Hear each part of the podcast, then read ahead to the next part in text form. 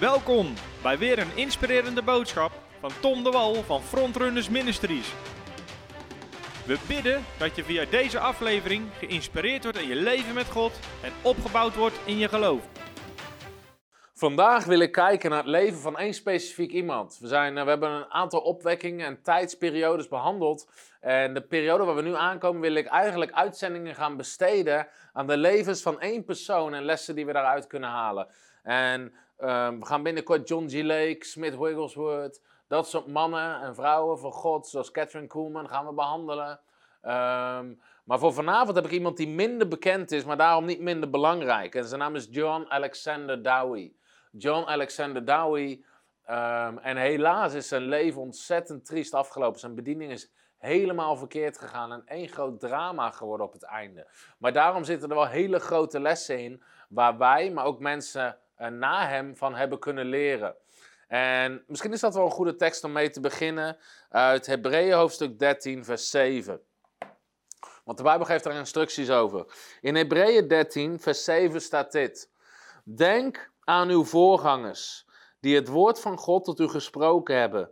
Maar let op de uitkomst van hun levenswandel en volg hun geloof na. Denk aan uw voorgangers die het woord van God tot u gesproken hebben. Maar let op de uitkomst van hun levenswandel en volg hun geloof na. Dus de Bijbel, ook in Hebreeën 6, vers 12, die tekst hebben we een aantal keer gelezen. Daar staat: Wees niet traag, maar wees navolgers van mensen die door hun geloof en geduld beloftes in ontvangst hebben genomen. Dus de Bijbel doet de oproep om mensen die verder zijn dan ons, uh, die Gods beloftes ontvangen, na te volgen. En zelfs hier staat weer: Denk aan uw voorgangers, let op de mensen die u voorgegaan zijn. Uh, maar, en volg hun geloof na. Maar let ook op de uitkomst van hun levenswandel. Blijf ook kijken uh, hoe ze hun leven ontwikkelen. Want blijkbaar kunnen we afwijken um, tijdens onze wandel met God en de verkeerde kant op gaan. Weet je, en dit is een tekst, misschien heb je hem nooit zo gelezen, maar Paulus zegt in 2 Timotheus 4, vers 7. Dan zegt hij: Ik heb de goede strijd gestreden en ik heb de wedloop volbracht. Nou, die tekst kennen we bijna allemaal wel. Maar daar meteen achteraan zegt hij: Ik heb het geloof behouden. Ik heb het geloof behouden. Dus hij had niet alleen zijn roeping volbracht, maar een van de dingen die hij noemt aan het eind van zijn leven is: Ik heb het geloof behouden. Dus blijkbaar was dat iets om te noemen, want sommige mensen, zegt Paulus ook, hun geloof heeft schipbreuk geleden. Ze zijn gestrand. Ze hebben niet tot het einde toe volhard. Ze hebben niet tot het einde toe volgehouden. En Jezus zegt er ook iets over, over mensen die zalig worden, zij die tot het einde volharden. Dus dat is iets belangrijks om in je denken te houden. Ik ga nog één keer lezen en dan gaan we het hebben over John Alexander Dowie. Denk aan uw voorgangers die het woord van God gesproken hebben. Let op de uitkomst van hun levenswandel en volg hun geloof na. Volg hun geloof na. Dus let op de uitkomst van hun levenswandel. Nou, laten we het eens gaan hebben over John Alexander Dowie. Hij wordt ook wel de genezingsapostel genoemd. En de eerste afbeelding mag in beeld komen. Um, hij wordt ook wel de genezingsapostel genoemd. Hij leefde van 1847 tot 1907. En um, als je. Um, even kijken of we een, uh, een foto hebben van zijn Instagram kunnen trekken. Is het weer gelukt? Het is weer gelukt. Hier zie je hem, John Alexander Dowie. Uh, in het midden samen met zijn vrouw uh. En uh, dit zijn een paar afbeeldingen van hem. En niet heel veel mensen kennen John Alexander Dowie. Het is een minder bekende naam als John G. Lake, Smith Wigglesworth. Of uh, de man uh, Charles Fairham, onder andere achter de Azusa Street opwekking. Maar eigenlijk heeft deze man het fundament gelegd voor al die andere bedieningen. Minder mensen kennen hem omdat zijn bediening helemaal fout is gelopen. En het een soort zwarte bladzijde is geworden waardoor er niet veel over gepraat wordt. Um, maar hij heeft een enorme bediening gehad, een ongekende invloed. Miljoenen mensen zijn tot geloof gekomen. Hij heeft letterlijk hele steden veranderd. En daar gaan we het wel over hebben. Uh, uh, en hij is ontzettend vervolgd ook. En dit is een van de uitspraken die in het boek naar voren komt, dat wel mooi is. Ontzettend veel tegenspraak, laster. Uh, zelfs menigtes die hem willen vermoorden. Er zijn terroristische aanslagen op zijn leven gepleegd. Maar over het alles zegt hij: Ik draag mijn roeping als een kroon van God en mijn vervolging als een medaille van eer. Ik draag mijn roeping als een kroon van God en mijn vervolging als een medaille van eer. Nou, iets wat we nog voordat we ver dieper ingaan op zijn leven, iets wat we moeten beseffen. Want er zijn allerlei dingen misgegaan. In zijn theologie, hoe hij met dingen omging.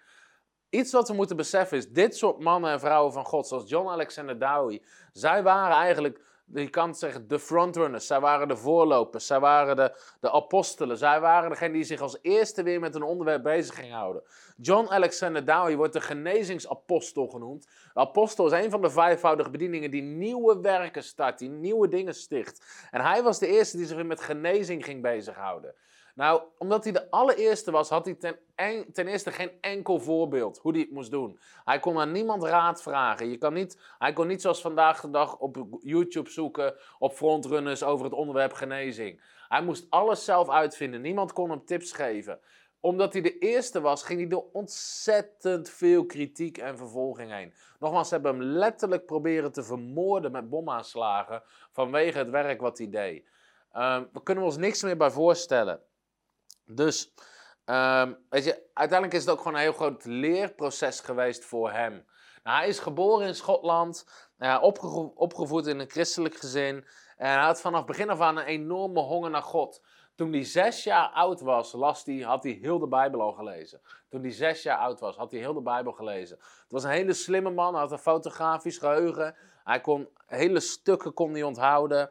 En hij had een enorme passie voor heiligheid. Dus hij heeft zijn hele leven lang nooit één druppel alcohol gedronken. Hij was fel tegen alles wat met de wereld, in zijn opinie, met de wereld te maken had. En een enorm heilig en toegewijd leven leefde hij voor God. En hij ervoer een roeping van God. Ehm, eh, eigenlijk op zijn leven. Nou, in zijn jonge jaren wordt hij op een gegeven moment ernstig ziek en zelfs uh, gevaarlijk dat het, dat het zijn leven bedreigt. Alleen hij leest dan in de Bijbel over genezing. En dan bidt hij tot God. En van het een op het andere moment, terwijl hij dus tiener is, terwijl hij jong is, geneest God hem. Nou, zijn ouders besluiten om naar Australië te verhuizen. Hij is geboren in Schotland. Ze besluiten om naar Australië te verhuizen. En omdat hij een roeping ervaart, gaat hij theologie studeren. Om dominee, voorganger, prediker te worden. Maar omdat hij zo ontzettend slim is, fotografisch geheugen, de Bijbel vaak gelezen, krijgt hij constant discussie met de theologen. Want wat hij zelf gewoon leest in zijn Bijbel, zo, het staat er, dus het is zo. Daar krijgt hij allemaal discussies over met theologen op die opleiding die niet geloven in wonderen, niet in genezing, niet in de Heilige Geest. Eigenlijk alles wat Dowie gewoon leest in zijn Bijbel, dat ziet hij niet gebeuren en zij geloven er niet in. En ze proberen hem erin te ontmoedigen. En het enige resultaat was dat hij constante clash heeft met zijn leraren. Dowie had een enorm hart om mensen te helpen. Dus hij ging ook op de universiteit lessen over geneeskunde volgen. En dit is wel even belangrijk om iets te beseffen. Omdat als je leest over de werken en de theologie van John Alexander Dowie, dan lees je dat hij fel tegen doktoren was. Doktoren en demonen was voor hem hetzelfde. Dus hij had ook preken over devils, doctors en demons. Devils, doctors en demons had hij het altijd over. Waarom was hij zo fel tegen genezing? Want in de tijd dat hij geneeskunde erbij ging studeren, de artsen, de medische wetenschap was totaal niet ontwikkeld. Dus wat ze vaak deden is van, oh nou, je hebt last van een, uh, je hebt last van een bepaald orgaan, laten we hem er eens uithalen en kijken hoe het dan met je gaat. En het was eigenlijk één groot experiment waarin de artsen geen idee hadden wat ze aan het doen waren. Dus mensen waren vaak veel slechter af uh, als, als ze geholpen waren door een arts. Dus hij zag dat dat niet werkte. En die doktoren waren fel tegen goddelijke genezing. De artsen ook. Ze hadden geen idee wat ze aan het doen zijn. Dus vanuit dat beeld werd hij fel, fel tegen medische wetenschap. Dus dat is wel iets goeds om te beseffen over zijn leven, om dat uh, te beseffen. Uiteindelijk uh, wordt hij voorganger. Wordt hij voorganger uh, van een kleine gemeente in Australië. En die eerste gemeente mislukt ook in de zin van die hele gemeente valt uit elkaar. Een enorme ruzie omdat John Alexander Dowie was geroepen als apostel. Hij wilde altijd grote werken vestigen, was altijd bezig met nieuwe dingen doen. En die kleine gemeente kreeg een nieuwe voorganger, wat John Alexander Dowie was. En hij begon gewoon radicaal het woord van God te prediken. De ouderlingen stonden er niet achter. De overkoepelende organisatie stond er niet achter. En uiteindelijk is dat gewoon een enorme rel geworden. En is die eerste gemeente is hij dus ook uitgezet. En voor hem is dat, hij moest heel erg leren. Hij was een van de eerste apostelen die weer begon te opereren. Sinds de middeleeuwen uh, en op een moment die reformatie en de Great Awakenings. Dus weet je, hij had geen idee hoe hij zijn roeping moest uitvoeren. En weet je, hij was helemaal niet geroepen als lokale voorganger van een kleine gemeente. Weet je, hij had een roeping om landen te veranderen en hele steden te veranderen en, en met de kracht van God. En niet om in één lokale gemeente te zitten. Maar het was het enige wat hij kende. Dus dat liep een paar keer liep dat zelfs mis. Hij had nog niet door wat zijn mandaat was. Uiteindelijk gaat het ook bij een andere kerk mis. En dan wordt hij voorganger van een grotere gemeente in Sydney. En op dat moment in Sydney uh, gebeurt er iets dat in die tijd gingen er echt plagen van ziektes. Als je nu bijvoorbeeld het coronavirus hebt. In die tijd was dat nog 10.000 keer zo erg, omdat er helemaal geen medische wetenschap en onderzoek was. In die tijd gaat er een plaag door Sydney heen. En letterlijk de dood heerst in de stad. Ontzettend veel. Tienduizenden mensen overlijden. En John Alexander Dowie is net voorganger daar, de eerste twee weken in die gemeente. En in die eerste twee weken moet hij 40 begrafenissen leiden in zijn gemeente. Nou, om even aan te tonen, dat is, dat is bijna dat, weet je, dat is drie begrafenissen onderhand per dag. Die hij moet leiden um, de eerste twee weken dat hij voorganger is. Zoveel mensen sterven daar. En als je trouwens vragen hebt, kan je ze tussendoor stellen. Um, dus de een na de ander overlijdt in zijn gemeente, gewoon door die plaag die rondgaat. En John Alexander Dowie uh, die nog nieuw is in zijn roeping, heeft geen idee wat hij moet doen. En op een dag zit hij in zijn kantoor. Uh, weet je, hij beseft gewoon ziekte en dood heersen hier. Weet je. Er is geen kracht van in het evangelie. Niemand die er wat aan doet. Geen enkele voorganger of dominee die er wat aan doet. En hij zit huilend te bidden. Uh, ook vanuit een soort haat tegen, tegen dat hij niks kan doen. in zijn kantoor. En dan in zijn geest, terwijl hij met zijn ogen dicht zit te bidden ziet hij Handelingen 10, vers 38, ziet hij voor zich eh, als letters die licht geven. En Handelingen 10, vers 38, daar staat dat Jezus rondging. Hij was gezalfd met de Heilige Geest en kracht. God was met hem. En hij genas alle die door de duivel overweldigd waren.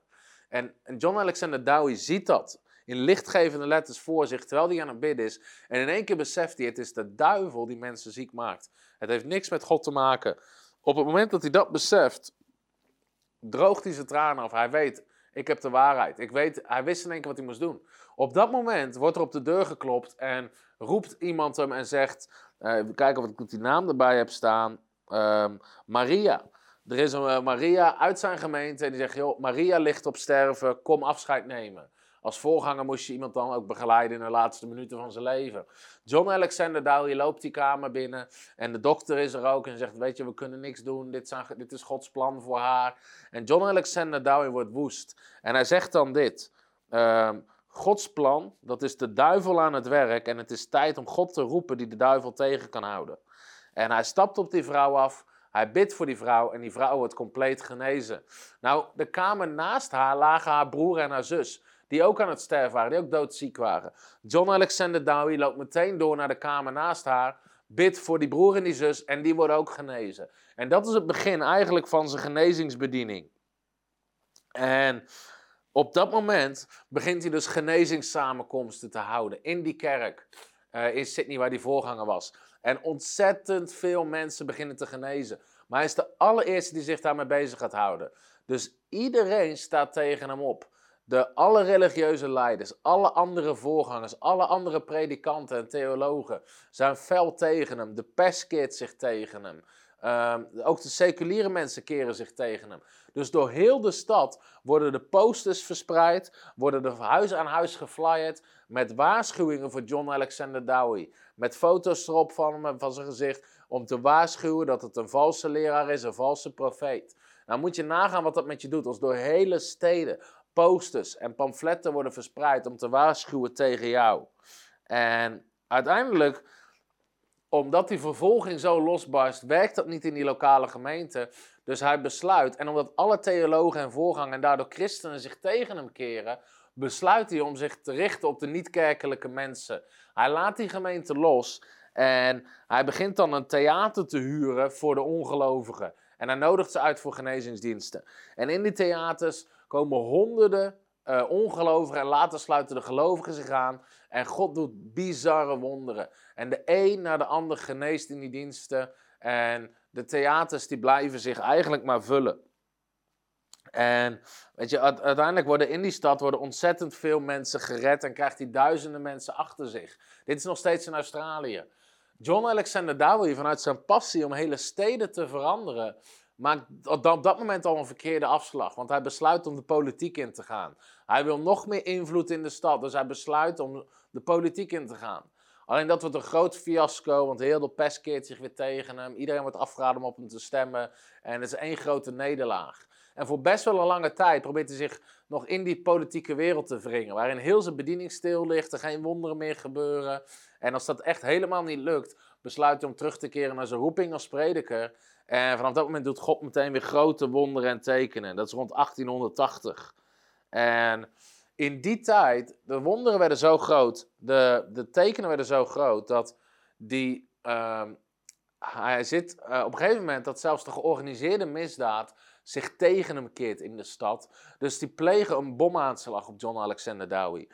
In zijn kantoor, uh, of tegen, tegen zijn kantoor aan, leggen ze een bom en die willen ze laten ontploffen. Uh, met een tijdsding als John Alexander Dowie aan het werk is. En in John Alexander Dowie beschrijft in zijn dagboek dat hij zit te werken uh, in zijn kantoor. Hij zit een preek te maken, een bijbelstudie te doen. En de Heilige Geest spreekt tegen hem en zegt, sta op, ga naar huis en werk thuis verder. En de eerste keer negeert hij het, dan weer hoort hij de stem van God. Sta op, ga naar huis en werk thuis verder. John Alexander Dowie staat op, pakt zijn werk op, gaat naar huis en gaat daar verder. Hij is één minuut thuis aangekomen, hij woonde vlakbij zijn kantoor en zijn hele kantoor ontploft. Er was een bomaanslag, dus gewoon op zijn kantoor. Zo heftig is de vervolging. De krant is tegen hem, posters tegen hem en nu letterlijk aanslagen op zijn leven beginnen tegen hem uh, beginnen te gebruiken. In ieder geval, in 1888, dus acht jaar later, besluit John Alexander Dowie om naar Amerika te gaan, om daar zijn bediening te vestigen.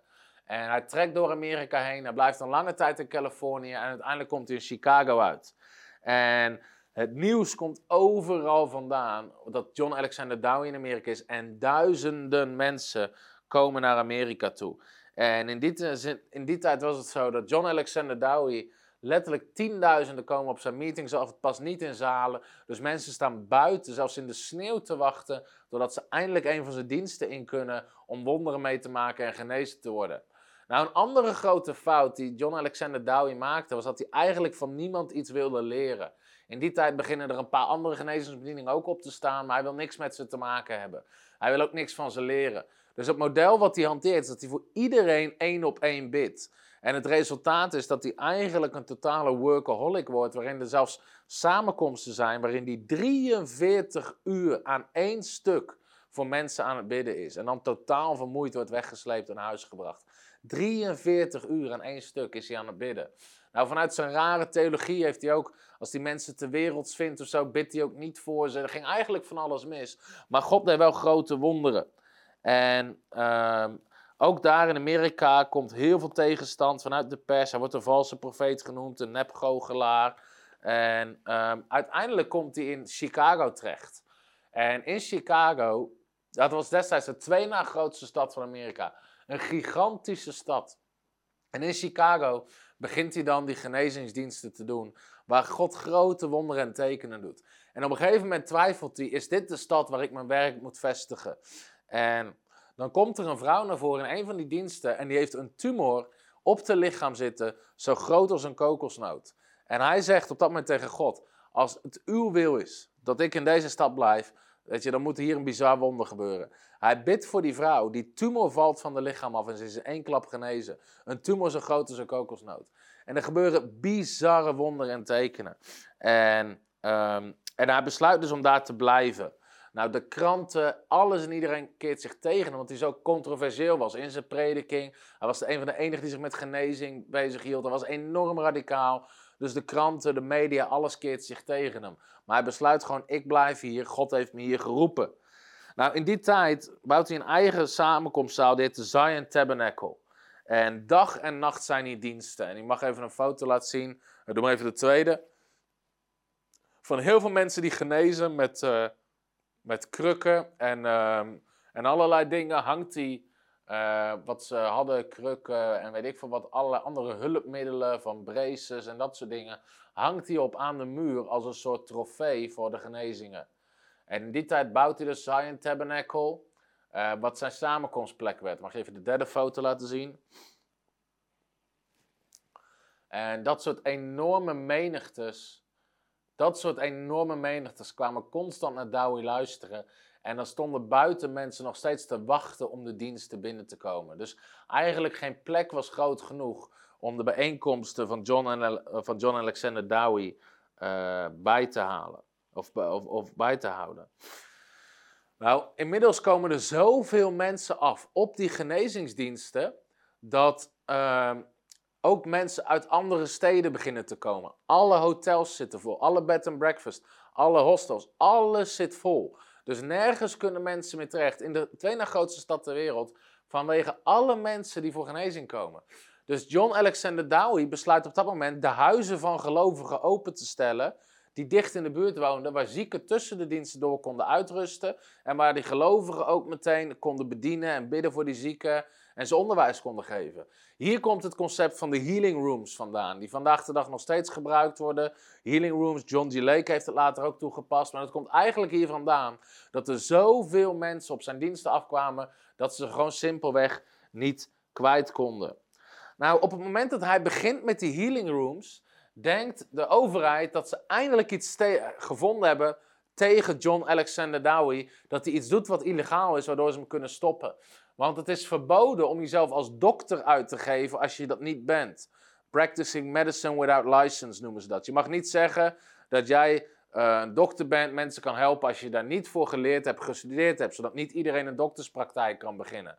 Omdat John Alexander Dowie allemaal kleine vestigingen had waar mensen elkaar hielpen, uh, besloten ze de overheid hem aan te klagen dat hij zichzelf uitgaf als dokter. Wat natuurlijk grote onzin was, want John Alexander Dowie was fel tegen dokters en medicijnen en alles wat ermee te maken had.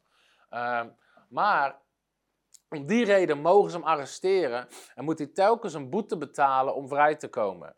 Uiteindelijk, gewoon om hem tegen te werken, wordt hij honderd keer in één jaar gearresteerd. Om de drie dagen pakten ze hem op, zetten ze hem in de cel en lieten ze hem pas gaan als hij een borgsom betaalde. Dus hij moest honderd borgsommen betalen in een jaar en zichzelf honderd keer vrijkopen uit de gevangenis om, uh, om zijn bediening voor te kunnen zetten. Uiteindelijk sprak het Hoge Gerechtshof hem helemaal vrij, dat hij zichzelf niet uitgaf als dokter. En toen stopte dat. Maar inmiddels had hij dus al honderd keer in de gevangenis gezeten om hem te stoppen. En heeft hij meer dan honderd boetes moeten betalen. Dat kan ons wel even aan denken zetten. Hoeveel zijn wij bereid om voor onze roeping te lijden? Hoeveel tegenstand willen wij verdragen? En en ook andere vormen van tegenstand. Hij wilde een eigen magazine uitbrengen. Wij hebben er ook een. Maar in die tijd, hij bracht zijn magazine uit, Leaves of Healing. En omdat de eigenaar van de drukkerijen in die stad tegen John Alexander Dowie was, moest hij 14 keer de normale prijs betalen om zijn magazine uit te brengen. Op die manier werd hij door alle kanten, door de overheid, door de pers, door de bedrijven, op iedere mogelijke manier probeerden ze hem tegen te werken en de stad uit te werken. En uiteindelijk, omdat zijn invloed um, zo toeneemt, je mag nog even de foto van die samenkomst laten zien, omdat er zoveel tienduizenden mensen komen, mensen tot Christus komen, mensen genezen worden, kan je je voorstellen dat steeds meer mensen gingen zich achter John Alexander Dowie schalen. Want hij kreeg steeds meer fans en volgers. Dus letterlijk duizenden en tienduizenden mensen in die stad gaan zich achter Dowie schalen. En dat zijn van politieagenten tot bedrijfseigenaren tot van alles en nog wat, wordt eigenlijk een fan van Dowie. En in die tijd, zes maanden lang, huurt hij dus het grootste stadion van Chicago. En zes maanden lang zit dat iedere dienst, iedere dag zit dat vol. En um, vanuit die passie om steeds meer invloed te krijgen, begint hij weer een eigen gemeente daar. En die gemeente die noemt hij de uh, de christelijke katholieke kerk. En dan, katholiek, had, katholiek betekent algemeen. Het had geen verband met de Rooms-Katholieke kerk, maar hij vond zijn kerk de christelijke algemene kerk. Waar hij weer de waarheden van het geloof zou gaan herstellen. En nou, in die tijd, omdat zijn invloed zo toeneemt, zijn kerk heeft eigenlijk binnen een paar jaar tienduizenden leden, allemaal in Chicago. dat hij een enorme heerschappij en invloed in die stad begint te krijgen. En geestelijk bestuurt hij letterlijk de stad, bepaalt hij letterlijk wat er gebeurt. En ook zijn bestuurlijke invloed door al die mensen die achter hem gaan staan, nemen eigenlijk alleen maar toe. En dat is eigenlijk de toptijd van zijn kerk. En, en in deze tijd begint er eigenlijk iets belangrijks, of iets, iets geks te gebeuren. Dat zijn bediening uh, eigenlijk te gronden richt. Wat er gebeurt is, zijn kerk heeft tienduizenden leden. Hij krijgt steeds meer invloed, hij krijgt steeds meer aanzien, hij krijgt steeds meer positie. Alleen voor John Alexander Dowie is het nog steeds niet genoeg. En hij besluit, ik wil geen eigen kerk, ik wil niet alleen invloed in de stad, ik wil een hele eigen stad hebben. En hij gaat plannen maken om een hele eigen stad te bouwen, 60 kilometer ten noorden van Chicago. En die noemt hij dan uh, Zion City, de stad Sion. Nou, hij weet dat dit op enorm veel tegenstand gaat duiden van de overheid en van iedereen um, die niet in zijn kerk zit. Dus hij maakt een plan en hij kondigt aan dat hij een paar weken lang gaat prediken over demons, devils en doctors. Dus hij gaat een paar weken lang fel prediken tegen medische wetenschap en, uh, en medicatie. En dat was eigenlijk een afleidingsplan. Want eh, al de pers, iedereen dook erop. Journalisten zaten in die diensten om er tegen hem te schrijven. Maar dat deed hij allemaal expres, zodat hij ondertussen grond kon onderzoeken en kon kopen zonder dat iemand zich daarmee bezig hield. Zodat ze dat niet in de gaten hielden. Dus terwijl iedereen druk is om tegen hem te schrijven en artikelen te schrijven over zijn diensten, koopt hij eigenlijk via een achterweggetje koopt hij enorme hoeveelheid van honderden hectare land ten noorden van Chicago om een hele eigen stad te bouwen. En die noemt hij uh, de stad Sion. En uh, binnen de stad is tabak, alcohol en varkensvlees ten strengste verboden. En hij begint daar een heel financieringsmodel met investeerders die in die nieuwe stad kunnen investeren. En binnen twee jaar bouwt hij een hele stad vanaf nul op. En die noemt hij de stad Sion. De stad Sion. En op dat moment is hij eigenlijk maakt hij gewoon een hele verkeerde beslissing. Want hij wil alleen, hij gaat zich richten op het besturen van de stad, invloed in de stad. De genezingsdiensten doet hij bijna niet meer, want hij is veel te druk met de stad besturen. En hij heeft enorm veel aardse invloed. En hij is dus alleen maar bezig met die stad besturen. En in die tijd, uh, omdat het zo'n groot, gigantisch grote bediening was geworden, met een hele eigen stad, waar hij alles kon bepalen, waar niemand iets anders te zeggen had, uh, op een gegeven moment komen de mensen en die zeggen tegen hem: Volgens mij ben jij Elia. Openbaring 11 die spreekt over de twee getuigen die moeten komen. En heel veel mensen denken dat Henoch en Elia zijn, dat die nooit gestorven zijn, maar opgenomen zijn in de hemel, dat ze daarom nog terug naar de aarde komen. En mensen beginnen tegen John Alexander Dowie te zeggen: Volgens mij ben jij Elia. Volgens mij ben jij Elia. En in het begin zegt hij: Nee, dat is niet zo. Maar op een gegeven moment zegt, weet je, mensen zegt hem: wie anders heeft er zo'n groot werk dan jij? Wie anders kan de Elia zijn? Je hebt de grootste bediening ter wereld. En op dat moment begint hij te beseffen, eigenlijk totaal verkeerd natuurlijk met beseffen, maar hij begint zichzelf in te denken dat hij Elia op aarde is. Hij is de Elia. Hij moet de zegels van openbaring gaan verbreken. En God heeft hem geroepen om de eindtijd in te leiden. En hij maakt een plan om Sion City, om die steden door heel Amerika, door heel de wereld en uiteindelijk in Jeruzalem te vestigen. En daar alle omliggende volken uit te kopen en Jeruzalem te herstellen, zodat Christus terug kan komen. Dat is zijn plan. En hij gelooft dat hij de Elia was om dat uit te voeren. Je mag even de foto, uh, de laatste foto van John Alexander Dowie uh, laten zien. Want hier zie je John Alexander Dowie in een priestergewaad. Um, met allerlei bijzondere kleding en een muts op, omdat hij denkt dat hij Elia is geworden. Hij denkt dat hij Elia is geworden. En zo te zien lustte hij ook wel iets lekkers erbij.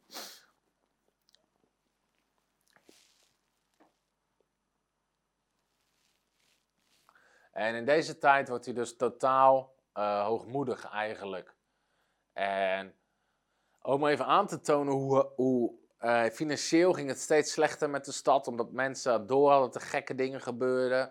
Uh, dus financieel raakten mensen in de stad aan de grond, waardoor de hele financiële, uh, eigenlijk de economie in de stad aan de grond raakte. Maar John Alexander was zo hoogmoedig dat hij daar niks van wilde weten. En zelfs dat hij zichzelf extra in schulden ging steken, want Hij bepaalde alles zelf. Hij sprak ook nooit meer met journalisten. Op een gegeven moment kwam er een journalist uit ehm, ehm, eh, New York en die wilde. ehm, die zei dat hij artikel over hem ging schrijven wat positief was. John Alexander Dowie stemt toe met dat artikel. Maar als dat artikel geschreven is, dan is het alleen maar negatief. Zeggen ze, hij is zijn kracht verloren. Hij is totaal de weg kwijt.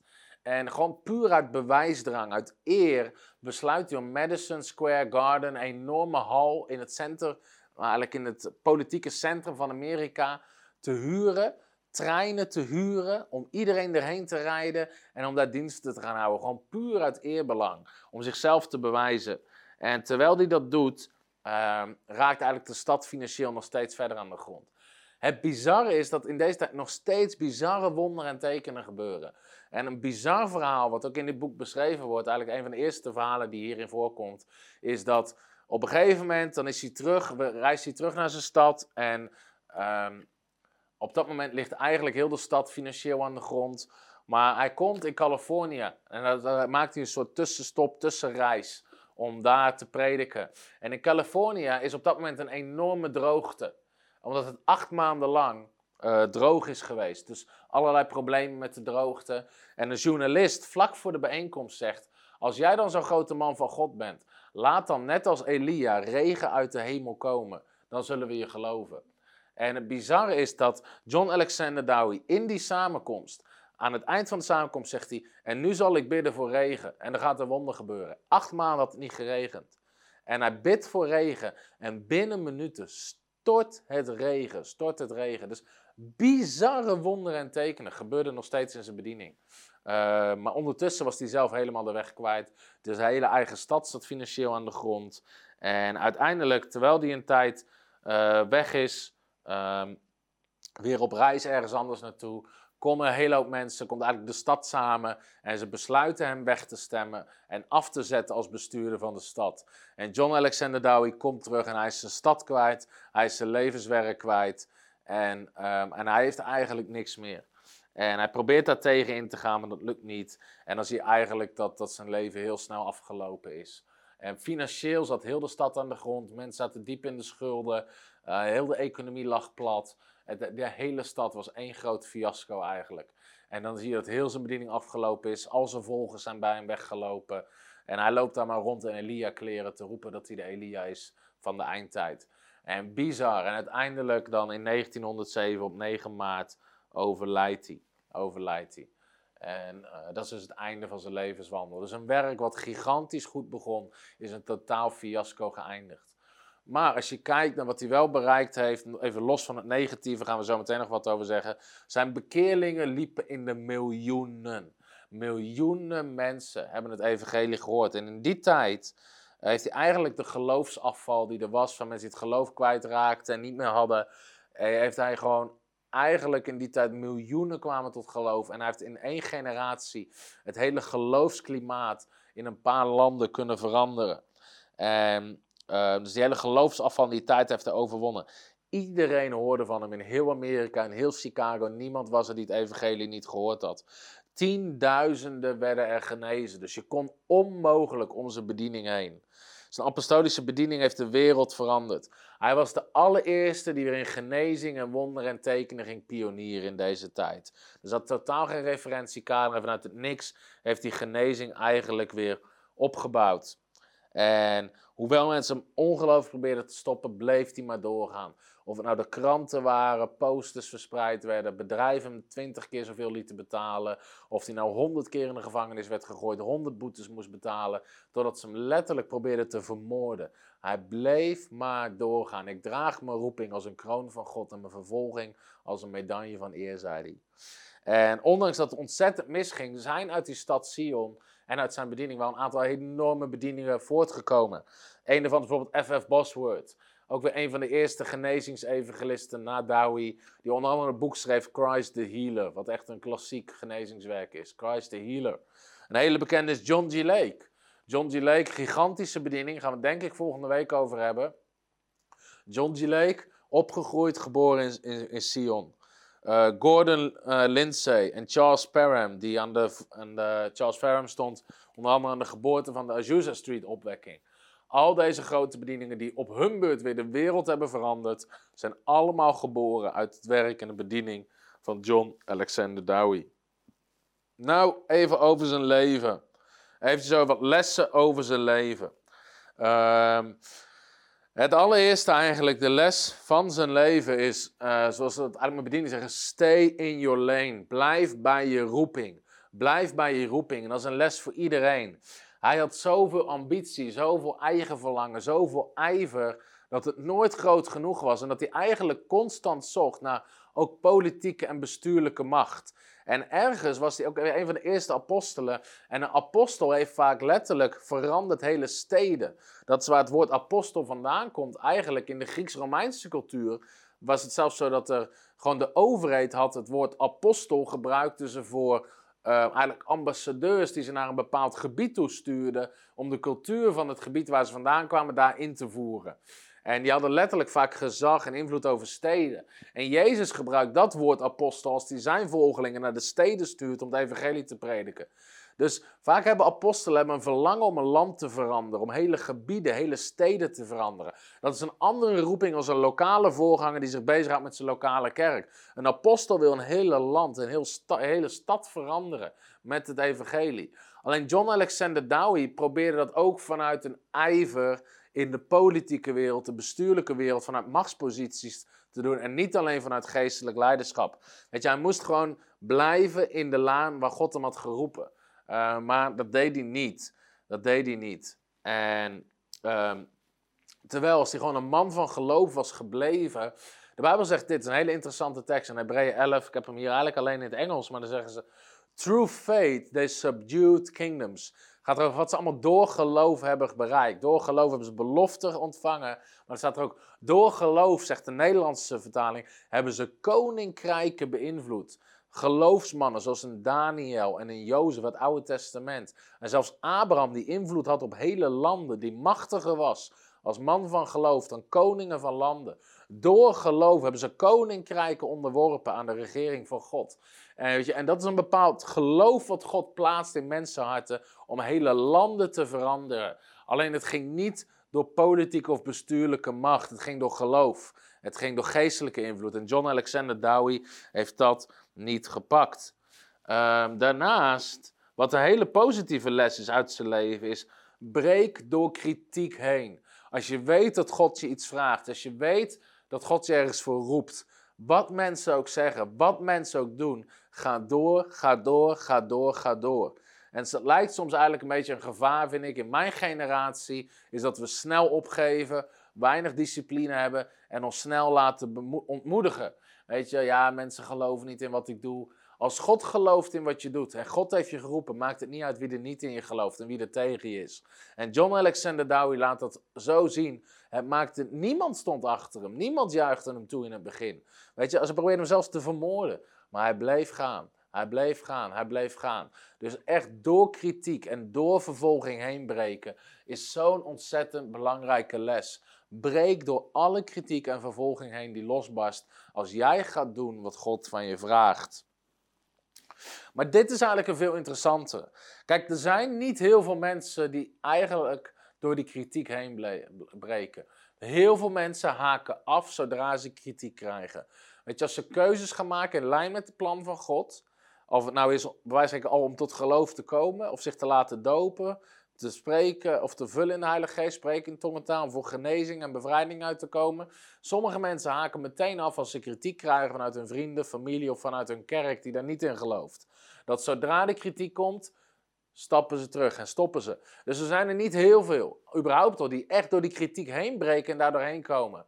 Maar er zit nog een interessante les. Als je door die kritiek bent heen gekomen, dan is de vraag: kan je ook blijven staan als mensen je eer geven?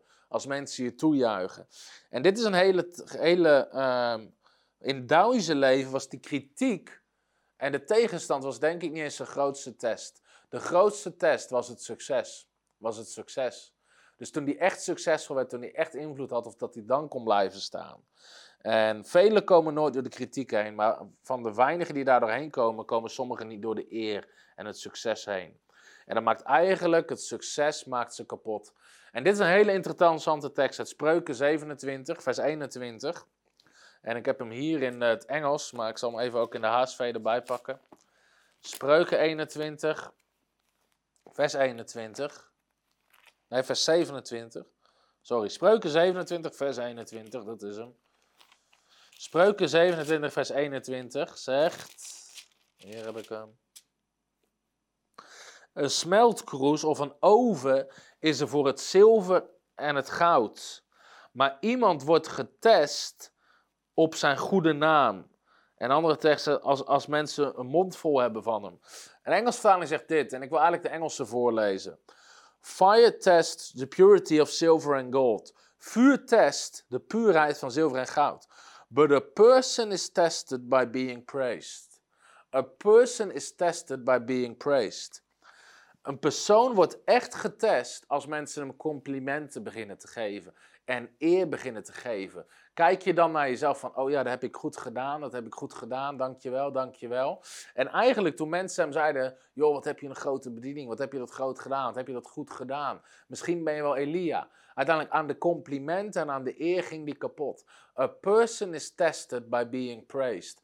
Weet je, wat beseffen ze dan? Het is de genade van God of gaan ze eer naar zichzelf trekken? En natuurlijk heb je er zelf een rol in om keuzes te maken en door te gaan. Maar uiteindelijk is het altijd de genade en de hand van God op je leven. Waar je weet, joh, ik kan dit vanuit mezelf niet. Het is salving, het is genade dat God dat geeft. A person is tested by being praised. En we moeten nooit vergeten, we zijn dienstknechten van Jezus Christus. Dus Het wordt wel eens vergeleken met, weet je, als op een gegeven moment Jezus Jeruzalem binnenkomt op de rug van die ezel. En mensen staan te juichen, mensen gooien hun jassen neer op de straat. Mensen staan met palmtakken, weet je wel. Over, weet je, die ezel kan gewoon lopen over de mantels van mensen. Weet je, soms als die ezel Weet je, die ezel moet misschien wel gedacht hebben: jongen, jongen, wat ben ik geweldig. Moet je zien. Mensen staan te juichen, mensen gooien palmtakken, mensen leggen jassen voor mijn voeten. Maar hij besefte niet dat ze niet om hem juichten, maar Jezus die op zijn rug zat. Weet je, dat is iets wat wij altijd moeten beseffen. Als mensen beginnen te juichen, als er goede dingen gebeuren, weet je, vergelijk jezelf met de ezel uit dat verhaal. Ze juichen niet omdat jij zo goed bent, ze juichen omdat Jezus op je rug zit en hij doet het werk. weet je, en die ezel, die doet alleen maar wat hij moet doen. En Weet je, eigenlijk wat, wat mij... Ik hoorde ooit iemand zeggen in bediening, een groot man van God. Weet je, hij zei altijd, alle eer geven we aan God. En dat is sowieso, weet je wel. Sommige mensen, juist vanuit een verkeerd perspectief, hebben valse nederigheid. Dan zeggen ja, alle eer aan God. En weet je wel, en dat is natuurlijk zo, maar ik hoorde ooit dit zeggen door Bill Johnson. Die zei tegen een meisje wat aanbidding zei. Hij zei, joh, je hebt goed gezongen. En zij zei, oh, dat was ik niet, dat was Jezus. En hij zei, nou, zo goed was het ook weer niet. maar. uh, mijn punt is, weet je, aan de ene kant, ja, alle eer gaat naar God. Maar dat betekent ook dat alle kritiek naar God gaat. Dat betekent niet dat we niks kunnen leren of feedback kunnen ontvangen. Maar het zou verkeerd zijn om alle eer aan God te geven, alle kritiek op onszelf te betrekken. Sommige mensen lopen zo zwaar onder een juk van kritiek, wat mensen hun mening hebben gegeven. En weet je, als je alle eer aan God geeft, wat we moeten doen, mag je ook alle kritiek aan God geven. Weet je, als iemand geneest, weet je wel, kan je niet zeggen, heb ik gedaan. Je kan zeggen, dat heeft God gedaan, geef God de eer. Maar als mensen kritiek hebben op je bediening, mag je ook die kritiek zeggen, Heer, alle kritiek is ook voor u, want ik doe wat u zegt. Dus als mensen moeite hebben met wat je doet, weet je, geef alle eer aan hem, maar geef ook alle kritiek aan hem. Ga niet de kritiek zelf ontvangen en de eer niet. En andersom ook niet. Weet je, alle eer en alle kritiek is voor hem. Want hij roept je en hij geeft je de genade. Maar a person is tested by being praised. Dus als je complimenten gaat krijgen en je begint dingen goed te doen, dan word je pas echt getest. En uiteindelijk, de grootste les is misschien wel, kijk naar het einde van iemands levenswandel. Ondanks dat hij een enorm krachtige man van God was. Kijk naar het einde van zijn levenswandel. Hebreeën 13, vers 7. Denk aan uw voorgangers die het woord van God tot u gesproken hebben. En let op de uitkomst van hun levenswandel. Dus dat zijn een aantal lessen uit het leven van John Alexander Dowie. Een enorme pionier en apostel in het werk van genezing. En een groot man van God met heel veel lessen. Hallo, Tom de Wol hier en bedankt dat je weer geluisterd hebt naar onze podcast. Ik bid dat het je geloof gebouwd heeft en je bemoedigd bent. Als je niet alleen een luisteraar van onze boodschap wil zijn, maar ook een verspreider daarvan, wil ik je uitnodigen om partner te worden van Frontrunners. Door jouw maandelijkse donatie help je ons om dit evangelie van Jezus Christus en het woord van God over heel de aarde te brengen. Om partner te worden, ga naar www.frontrunnersministries.nl slash partners en word partner. Hartelijk bedankt en tot snel. Heb je ook zo genoten van deze inspirerende boodschap van Tom de Wal? Abonneer je dan op deze podcast. Volg ons op Facebook en op Instagram en kijk op onze website frontrunnersministries.nl.